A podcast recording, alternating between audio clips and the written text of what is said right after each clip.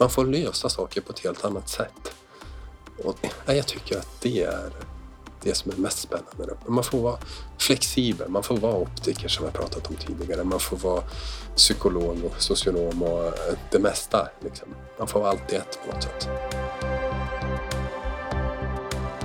Ta de patienter man har listat dividerat med antalet doktorer. Va? Och vi börjar på att vara så många doktorer att vi har tid att göra lite annat. Vi har tid att ägna oss åt projekt och engagera oss i andra saker.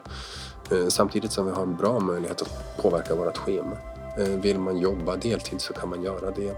Ibland så händer det att man har mycket administration. Ja, men då spärrar jag en tid och det är ingen som säger någonting om det för den sakens skull. Ja, men den här är på något sätt möjligheten att påverka sin vardag.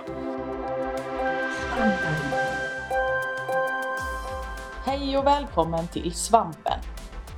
Vi är ST-rådet i Svensk förening för allmänmedicin, SVAMP. Vi är ST-läkare och nyblivna specialister från hela Sverige och vi vill bidra till att föra allmänmedicinen framåt. I den här poddserien kommer vi att samtala med personer som på olika sätt brinner för att utveckla just sin del av hälso och sjukvården. De är alla eldsjälar och vi är intresserade av att få veta vad det är som driver dem och att lära oss av deras erfarenheter. Välkommen till Svampen! Hej och välkomna till Svampen! Jag heter Ulrika Elmroth och är allmänläkare. Idag sitter jag på Krokoms hälsocentral med eh, Niklas Olsson. Du gör eh, SD här. Ja, precis. SD här och i Föllinge också. Precis. Och det ska vi berätta mer om. Eh, varmt välkommen! Tack ska du ha. Ja, men berätta Niklas, vad brinner du för? Vad jag brinner för? Ja, jag brukar ju säga att jag är att jag jobbar som ST-läkare och inte att jag är ST-läkare för det första. Jag tycker att det är en stor skillnad i det. Och då kanske jag också ska säga att det jag brinner för det, det är familjen eller fiske eller någonting intressant. Men, och det brinner jag för, självklart. Men det jag brinner av på det är andra saker och det kan vara människor som inte använder blinkersen eller som parkerar på familjeparkeringen fast de uppenbarligen inte har barn. Eh, människor som söker nätläkare när de är förkylda. Eller människor som säger allmänläkare. Ska du inte specialisera dig? Just det. Ja, det kan man tolka lite olika här, brinna och brinna av. Ja, precis. ja, men eh, berätta, du är alltså din ST uppdelat på två hälsocentraler. Ja, jag valde att göra så redan från början när jag gick in och började jobba som ST-läkare. Det var nästan mitt krav att jag skulle få dela upp min tjänstgöring.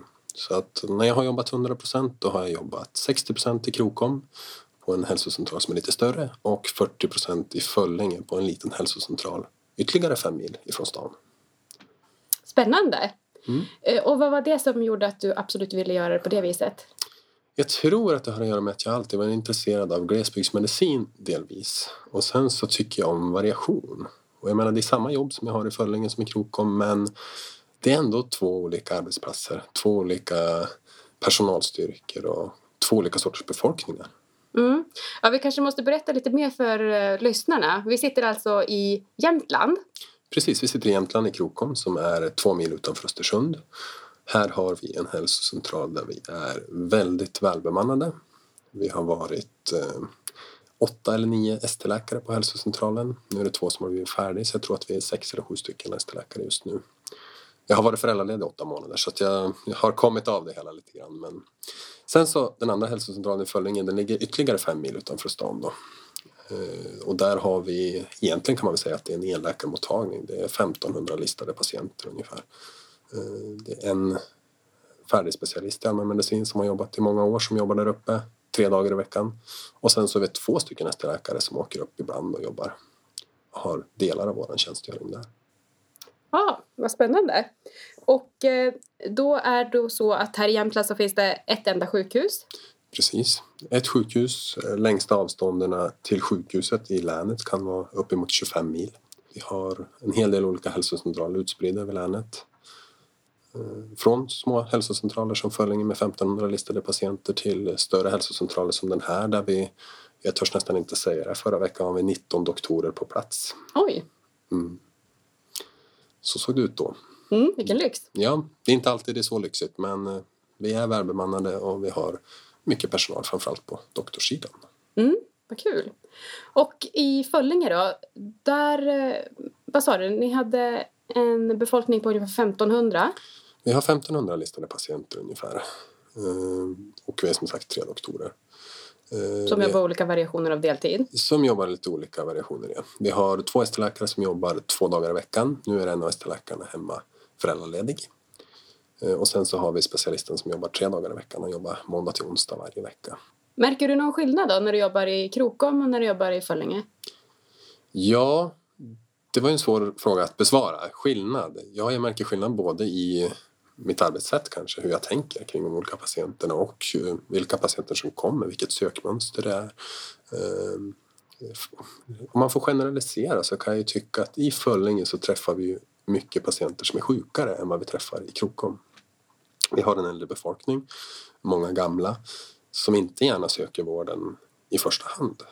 Eh, de eh, är ofta ganska sjuka när de väl söker de har en stor tilltro till vården framför allt eh, och gör som man säger många gånger.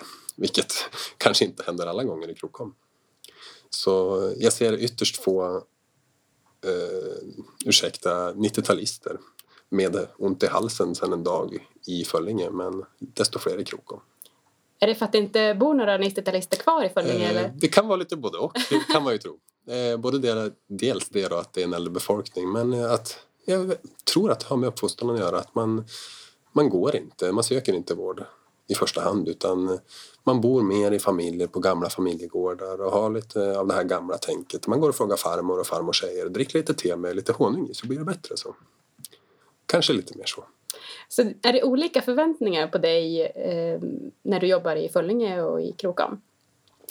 Ja, det kanske det kan vara. Det är svårt att säga om de har olika förväntningar på mig men jag kanske har, ställer olika förväntningar på mig själv. Eh, I Föllinge så blir det mer att jag ska lära känna en befolkning. Det är på, på något sätt så är det mer mina patienter. Och där har jag ju ingen uppdelning i vad det gäller regioner eller så utan där har jag de patienter som kommer in på hälsocentralen den dagen. Jag jobbar ju själv vissa dagar där uppe och då är det ju rent naturligt att de patienterna som kommer tar jag hand om. Men annars har vi ingen särskild uppdelning utan vi har vår befolkning som vi ska se till att den får den vård de behöver. Och utöver eh, de läkarna som vi har pratat om, vad finns det mer för eh, resurser på hälsocentralen i Föllinge? Ja, i dagsläget så har vi ju distriktssköterskor med sina mottagningar. Vi har BVC-sköterska, eh, astmakonmottagning, rökavvänjning, de bitarna. Sen så har vi vi som jobbar där uppe, det är ju en undersköterska i labbet och så har vi sekreterare som sitter och skriver. Vi har haft sjukgymnast men det finns inte kvar längre utan då måste man åka ner till Krokom. Sen har och det är fyra mil då? Fem mil är det. Fem till och med? Ja, precis. Mm. Och sen har vi några dagar i veckan så kommer det upp eh, personal från Krokom och stöttar upp. Bland annat eh, barnmorska kommer upp en dag i veckan och eh, psykoterapeut kommer upp en dag i veckan. Mm. Så vi hjälper till att stötta upp. Mm. Hur är det med hembesök då? Ja, det görs en hel del hembesök. Ehm, jag personligen gör inte så många. Ehm, vi har börjat mer och mer med eh, de här hembesöken på slutet och framförallt så har vi han som är ordinarie distriktsläkare där uppe som bara jobbar där. Han åker ut ibland och ehm, placerar sig själv i Rötviken en dag i månaden eller någonting. Jag ska inte svära på exakt hur ofta han är där men han tar med sig en distriktssköterska far dit och har mottagning där en gång i månaden har det varit tidigare i alla fall. Vad schysst, vilken service! Ja, och vi försöker tänka lite bredare där uppe. Vi har möjlighet att göra det. Vi har en chef som är väldigt förlåtande i också som tycker att det är spännande när vi gör så. Eh, sen har vi en del boenden ute där man kanske också istället för att kalla varenda patient på boendet till hälsocentralen eftersom det kan vara ganska långa avstånd så sätter man av någon dag ibland, kanske en gång per termin då istället eller per halvår och åker ut till boendena och träffar patienterna eller sin befolkning. Har ni några vårdplatser eller möjlighet att lägga in patienter i Föllinge? Nej, det har vi faktiskt inte. Eh, vi är ju ingen sjukstuga på det sättet att vi har vårdplatser där.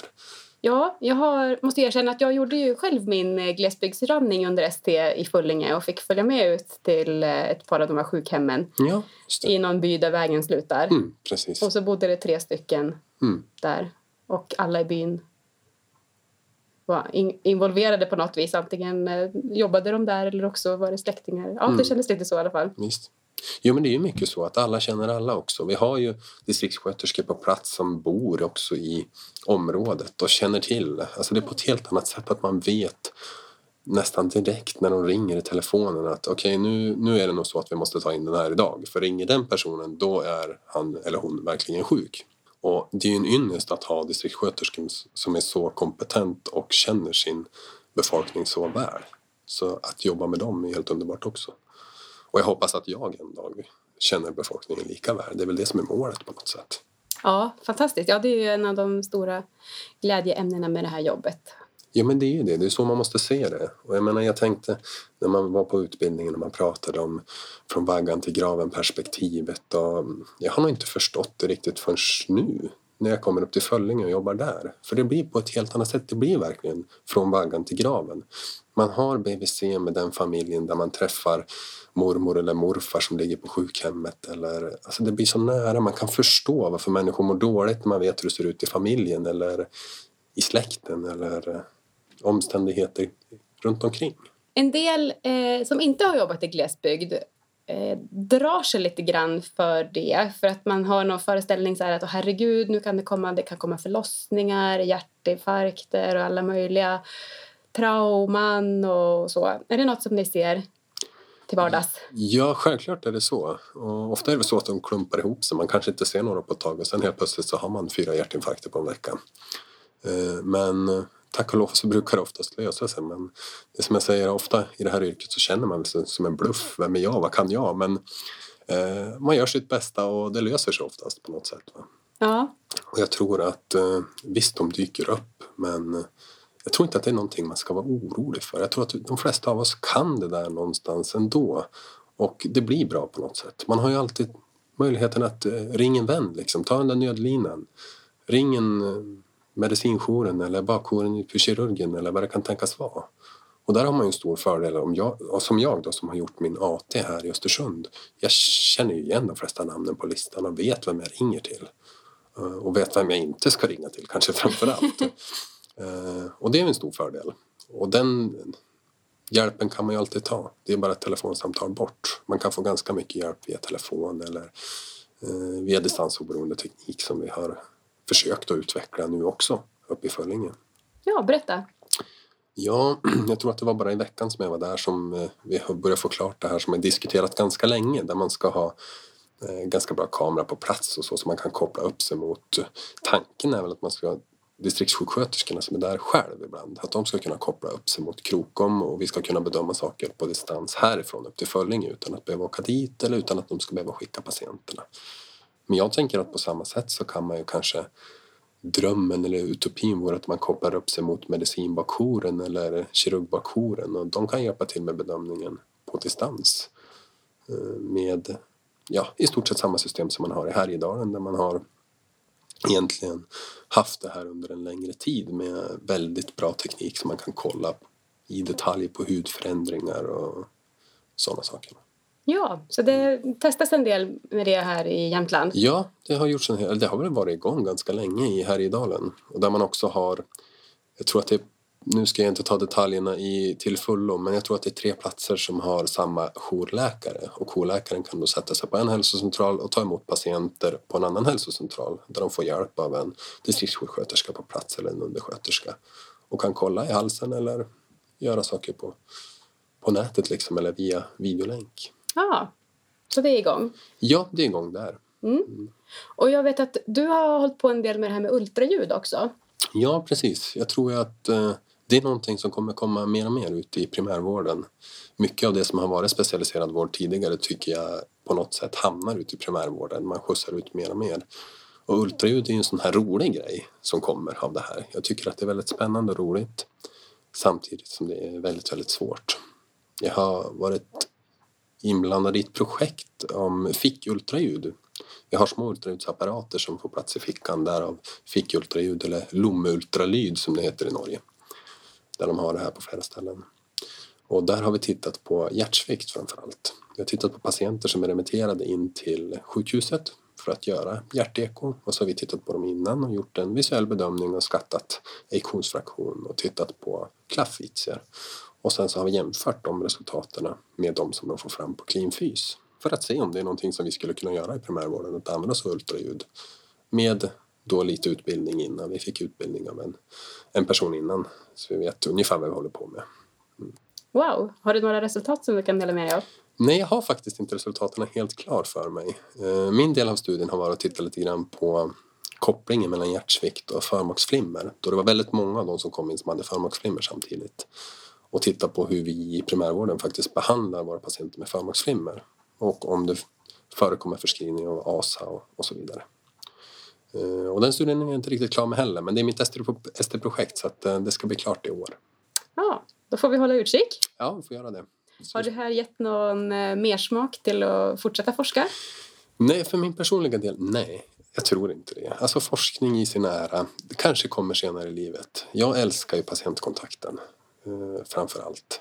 Sen har vi ju många på, jag tror att här på Krokoms hälsocentral så har vi nog tidigare haft nästan alla disputerade allmänläkare i Jämtland anställda och har ju fortfarande många. Senaste nytillskottet kom i höstas med nästa läkare som också är disputerad, kom från Umeå. Så att eh, vi har en forskningsinriktad hälsocentral där vi också har börjat titta på nu, jag tror till och med lämnat in en ansökan till Umeå universitet om att vi ska få något status som utbildningshälsocentral eller något liknande. Så att jag antar att det händer saker hos oss också i framtiden. Ja, det låter så. Du kanske dras med av bara farten? Ja, man vet aldrig. Jag ska inte säga aldrig, men just nu så känns det inte så. Nej, precis. För, berätta lite mer. Du är ju eh, ja, nybliven kanske man inte ska säga, men du har i alla fall varit föräldraledig här till ett eh, litet barn. Precis. Och har lite annat på gång här i livet. Mm. Och eh, sitta och pendla de här fem milen varje dag kanske inte är så drömscenariot. Nej, precis. Jag tror det är många drar sig för det också. För att det kanske inte är alla doktorer som bor långt ute i obygden. Eh, nu har vi faktiskt fördelen att vi har en som utbildar sig till läkare som bor i Föllinge och tänker jag kanske kommer vara intresserad av att jobba där i framtiden också. Men oftast är det ju inte så utan det är avstånd och man ska sitta och åka och det blir långa dagar. Och jag har ju den fördelen att eh, jag har kommit överens med min chef om att jag reser på arbetstid. Så jag börjar klockan åtta på morgonen i Krokom och så åker jag helt enkelt på arbetstid upp. Och så har jag första patienten bokad nio och telefonsamtal innan dess. Mm. Eh, och samma sak på eftermiddagen så åker jag vid fyra eller någonting så är jag hemma i lagom tid. Eller det är väl i alla fall planen att det ska bli så. Sen alla gånger blir det inte så men eh, det är så det står i alla fall och det är så det är meningen att det ska vara. Och blir det många färre besök då för dig eller har du sett, sett någonting på den här produktiviteten som man pratar så mycket om? Ja, man pratar mycket om produktivitet och eh, generellt så kan jag säga att eh, i Föllinge så träffar vi fler patienter än vad vi gör i Krokom. Det blir ofta så. Man tar hand om patienterna när de kommer. Oftast är det ju ganska långa restider och avstånd. Det finns ju de som åker åtta mil för att ta sig till hälsocentralen. Eh, och gör man det då tar man inte tillbaka dem dagen efter för att göra någonting annat. Utan är det då så att de har flera problem så kanske man tar tag i det. Jag tror att man besparar sig själv tid i slutändan om man tar tag i allt de har den dagen. Om det inte är de som kommer med två A4-listor, liksom, eller två A4-sidor med lista på saker de vill ta upp. Men man försöker ta hand om det mesta och dyker upp akuta saker däremellan så händer det att lunchen går åt eh, någon dag. Men jag brukar säga att det är ett ganska bipolärt arbetssätt som vi har när man har en så liten befolkning för att ibland är det fullbokat och schemat och det är akutpatienter på lunchen och så som den vardag som många av oss kanske känner igen. Men ibland kan man sitta också och ha akutbesök som är obokade. Så att eh, det är ett bipolärt arbetssätt brukar jag säga. Ja, men då när patienterna redan har åkt flera mil då för att ta sig till hälsocentralen. Mm. Hur gör ni med, man, om man behöver remittera dem vidare till akuten i Östersund? Ja, det där är ju ett ständigt problem. Många av de patienterna som kommer in till oss, de har ju redan åkt långt. Och det finns en ganska kraftig ovilja att åka vidare, att åka in till sjukhuset. Jag vet inte om det handlar om förtroende enbart eller om det är avstånden också, men de flesta vill liksom att man gör klart saker och ting på plats. Eh, det är ju flera gånger som patienter har kommit in och med riktiga lunginflammationer och CRP liksom över 300 och är dåliga men vägrar att åka in på sjukhuset. Och då får man göra som man vill med riktlinjer och så. Det kanske inte går utan man får göra det bästa av situationen. Det är liksom att ha hela situationen klar för sig. Vad vill patienten? Vad kan vi göra? Det är ganska många gånger det blir en peroral behandling i hemmet och uppföljning istället med telefonsamtal. Eh, just på grund av avstånd och oviljan att åka in på sjukhuset. Och det har ju också att göra med det här förtroendet, att de har fortfarande stort förtroende för doktorn i BIM på något sätt. Och sen, jag brukar säga att skillnaden blir när jag sätter mig i bilen här i Krokom och åker vidare då kom det henne fram, då, då pratade jag sig så. Om bara man gör det upp i dagen, då var det mycket bättre. och det, alltså bara att man har dialekten och använder sig lite grann av den gör ju att förtroendet ökar. Eh, så ja, det är spännande. Ja, det låter fantastiskt. Jag skulle vilja följa med. Ja, det får du göra någon gång. Du har ju varit där tidigare. Ja. Ja, det måste jag säga. Det var bland det roligaste jag gjorde för min ST de veckorna jag var i Föllinge. Mm. Mm, verkligen. Ja, och eh, vad har ni då? Har ni några extra resurser uppe i Föllinge just där när det kommer de här svårare fallen som ni ändå måste ta hand om där? Eh, extra resurser? Nej, det vet jag egentligen inte om vi har på det sättet. Men vi har ju ganska mycket möjligheter att eh, göra saker på plats och slippa skicka patienterna in till Östersund. Vi har till exempel, eh, vi kan koppla patienter på 24 timmars EKG, 24 timmars blodtryck. Vi kan ta ganska mycket prover och analysera på plats. Alltså, vi har ju problemet att proverna måste analyseras in i Östersund eller skickas till Umeå och slingbilen som vi säger den går vid halv två på dagen eller någonting så alla prover som ska tas efter det ja det kanske inte kan sparas man kanske måste komma in dagen efter och ta prover eller ta dem någon annanstans. Sen gör vi ju väldigt mycket på hälsocentralen men det gör man väl på många andra ställen också i både Jämtland och Norrland och Sverige. Men vi har ju öronmikroskop och ögonmikroskop och gynstol och vi gör ju dem vi gör det mesta. Vi är ganska breda. Vi har inte direkt en ögonklinik bakom hörnet eller så utan vi måste ju försöka lösa det mesta på plats. Häromdagen så letade jag reda på en gammal eh, låda med såna här glasögon som man sätter i prismer och testar ut. Och bara provade ut glasögon på en ung kvinna som har väldigt dåligt ekonomiskt ställt och hon hade beställt ett par glasögon på internet med en viss styrka och komma var så ansträngd i ögonen. Nej men hon hade inte råd att göra en synundersökning för hon tog sig inte till stan, hade ingen körkort. Nej men då provade vi ut där så hon fick någorlunda så kunde hon beställa sina glasögon på internet och få lite bättre styrka. Hon hade minus sex tror jag någonting och hade ett par glasögon som var, om det var plus till och med. Så hon såg ju ingenting. Men stackarn. Visst. Ja, så du får hoppa in som optiker? Ja, man får hoppa in som optiker och det ena med det andra. Ja, mm. så är det. Och sen har vi jättebra, vi har ett apotek. Att det finns ett apotek överhuvudtaget men eh, väldigt god kontakt med hon som är farmaceut. Och eh, hon kan ju ringa upp. Ja, men nu har den här patienten varit hit och lämnat, hämtat sina läkemedel. Jag vet inte om det är riktigt eh, okej okay alla gånger men ringa och säga men den hämtar inte ut det här läkemedlet. Varför statinerna ser ut som att eh, de kanske inte är uthämtade på ett år eller någonting. Och då kanske man kan sätta upp patienten på en telefontid och ringa och prata om det och fråga hur det kommer sig eller så. Mm. Och så ligger sjukhemmet också i samma byggnad? Precis, det sitter ihop med hälsocentralen. Det är ju precis som i Krokom, det sitter också ihop med hälsocentralen. En ganska stort komplex där det tidigare har funnits tandläkare och sjukgymnast. Och, men som det ser ut på landsbygden i stora delar av Sverige så centraliserar man mycket av verksamheten. Och hälsocentralen är kvar än så länge. Jag hoppas att eh, den här distansoberoende tekniken och det inte gör att man på något sätt försöker avveckla hälsocentralen utan att den får vara kvar. Och än så länge så går vi faktiskt runt i Föllinge. Jag tror inte att vi går back så mycket som de gör på andra hälsocentraler.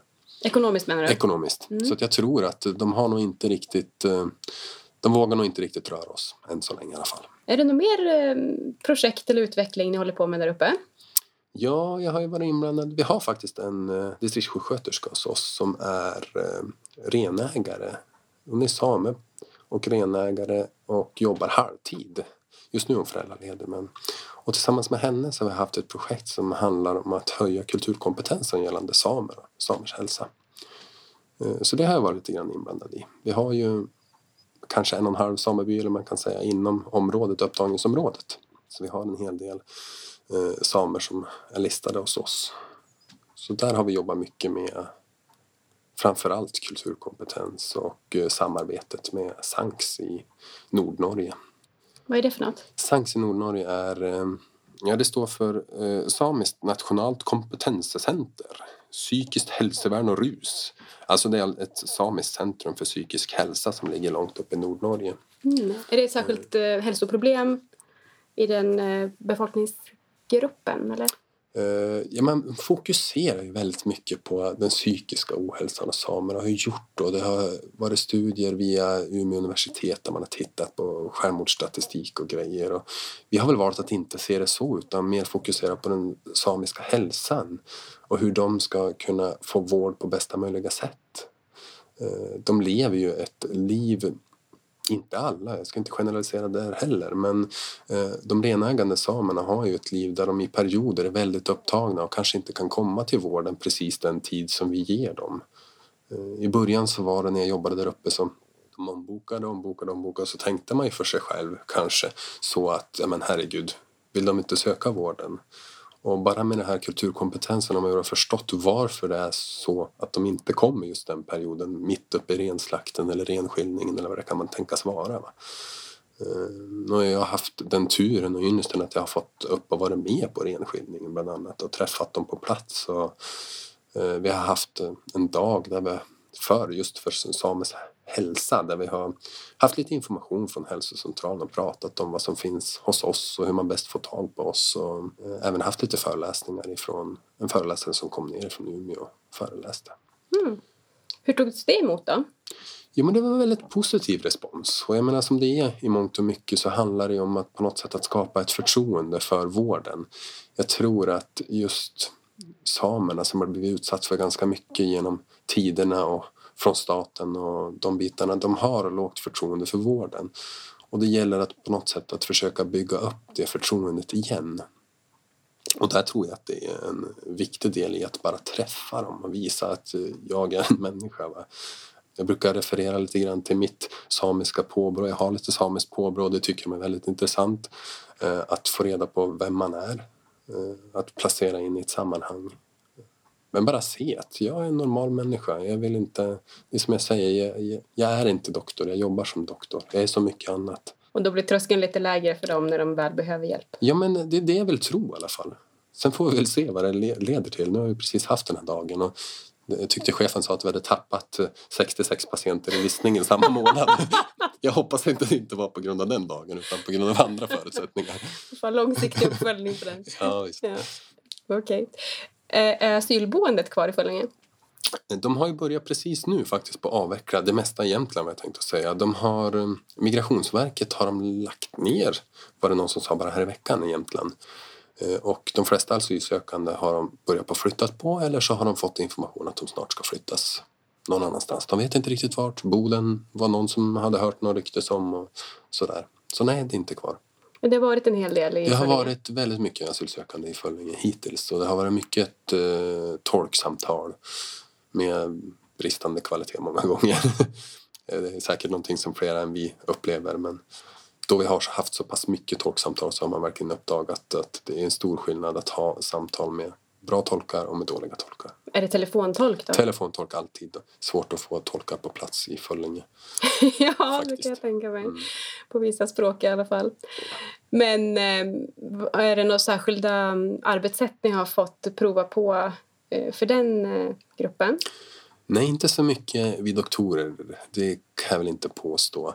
Vi har ju haft, här i Krokom så har vi haft eh, personal från hälsocentralen som varit ute och informerat lite grann om hur ska man söka vård och vart söker man vård. Att man inte beger sig till akuten om man har ont i halsen eller vad det kan tänkas vara. Va? Och samlat de asylsökande på samma ställe med tolk på plats och gått igenom de här sakerna. Mest för att dämpa det sökmönster som har varit tidigare. I Föllinge har vi haft, eftersom många kommer direkt i luckan också, det kanske kan vara svårt att få tag på en akut tolk, så har man arbetat mycket med appar och sånt för att försöka få ner några rader i alla fall så man förstår lite grann att du kanske måste komma den morgon den tiden eller du ska göra så här eller gå och köpa huvudvärkstabletter eller ja vad det kan tänkas vara. Mm. Jag får i alla fall intrycket av att du verkar trivas väldigt bra med ditt upplägg. Jo men det gör jag. Jag trivs väldigt bra med upplägget. Både därför att jag har fått delat upp det som jag har gjort. Men också för att eh, ja, men vi är en välbemannad hälsocentral. Jag tror mycket ligger till grunden för det. Man pratar om, man har lyssnat på Svampen här med Åke Åkesson och hans vision om tusen patienter listade. Så det bästa sättet att nå dit det är ju att ta de patienter man har listat dividerat med antalet doktorer. Va? Och vi börjar på att vara så många doktorer att vi har tid att göra lite annat. Vi har tid att ägna oss åt projekt och engagera oss i andra saker. Eh, samtidigt som vi har en bra möjlighet att påverka vårt schema. Eh, vill man jobba deltid så kan man göra det. Ibland så händer det att man har mycket administration. Ja, men då spärrar jag en tid och det är ingen som säger någonting om det för den sakens skull. Och, ja, men den här på något sätt möjligheten att påverka sin vardag eh, som jag tycker att jag har i min anställning som den ser ut just nu. Ja, det är väl visat att det är en viktig faktor för att förebygga stress. Och... Ja, precis. Och man ser ju att stressen ökar hos allmänläkare i allmänhet och det forskningen pekar på det och ohälsan. Och, och jag tycker att kravkontroll, liksom, det handlar på något sätt om det i grunden. Eh, sen antalet listade patienter i Föllinge är det ju 1500 listade patienter och det, de tar vi hand om liksom. Och vi måste ta hand om dem. Det är vi som gör det som bor där eller vi som gör det som jobbar där snarare. Det är nog en av sakerna som gör att jag trivs. Sen är jag, jag är ju från Jämtland, jag är från den här trakten och det är väl inte så konstigt att jag trivs just här heller. Det är ju här jag har familj och vänner och mina intressen så det bidrar ju också till saken, självklart. Och sen måste man ju ha ett genuint intresse för människor när man jobbar så som man gör. Och ännu mer kanske i glesbygd. Nej, men det är ett tacksamt jobb och jag tror att eh, på något sätt så blir det ännu mer tacksamt när man jobbar i glesbygd.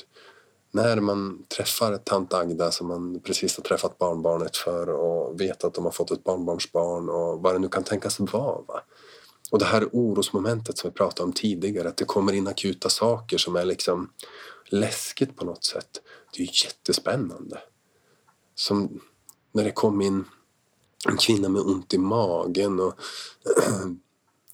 Jag tror att hon hade BF tre dagar senare eller någonting och var öppen fyra centimeter liksom, och då är man sju mil från stan. Då kan, det är ju lite pulshöjande men det är ju jättespännande.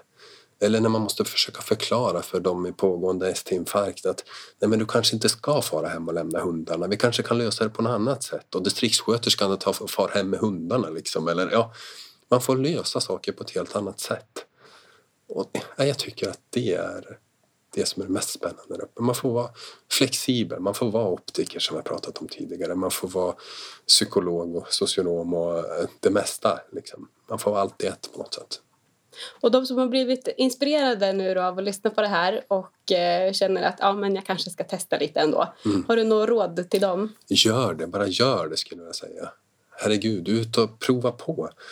Eh, det finns olika ställen man kan fara ut och göra en byta liksom, i glesbygd. Här i Jämtland vet jag att många har varit i Åre men det kan jag tycka kanske inte är glesbygd. Nu vet jag inte om vi någonsin har haft någon i Föllinge men nu har vi ju doktor på plats i alla fall tre dagar i veckan så nu finns det ju möjligheter, eller specialist på plats tre dagar i veckan ska jag säga. Så då finns det ju möjligheter att faktiskt komma dit och ja, skicka ett mejl till chefen. Han, han fixar nog det där om man vill komma hit. Till din chef? Ja då, det vill säga. nu blir jag nermailad här. Ja, visst. Ja, men ganska stor del av Sverige är ju ändå glesbygd. Ja, jag vet inte om man har räknat. Jag tror man har räknat på det någon gång och det, jag tror att det är så här, en fjärdedel av Sveriges befolkning lever i glesbygd. Så det, jag är ju på något sätt inte unik att jobba i glesbygd. Det finns ju de som har helt andra förutsättningar och är ännu längre från sjukhusen och så. Men jag tror att det handlar kanske inte om hur långt du är från sjukhuset även om det är definitionen för glesbygd utan vad är det för typ av jobb man bedriver vi har, som jag sa, vi har möjligheter att göra alla sorters utredningar hos oss. Eller utredningar, men undersökningar, öronmikroskop och de bitarna. Vi, vi gör det mesta. Vi gör små operationer. Vi försöker lösa det vi kan på plats. Det är inte så att vi opererar blindtarmen på folk men en gång har jag nog varit nära på att gjort det också. Vad jag tänkte säga. Inte riktigt men det kom in en karl som hade sågat sig med en cirkelsåg och han var nog, det var nog nästan bara att plocka ut den vad jag tänkte säga. Men han ville att jag bara skulle sy ihop och sen var det inget mer med det. Så att ja, det händer lite spännande saker. Det gör det verkligen. Är det något mer du vill berätta? Jag har väl hur mycket som helst att berätta men vi kanske inte ska dra det allt för långt, göra det allt för långrandigt. Då kanske folk ledsnar här. Det finns ju en eh, förening för glesbygdsmedicin. Ja, precis. Glesbygdsmedicinska föreningen startade väl 01 så den har ju funnits några år.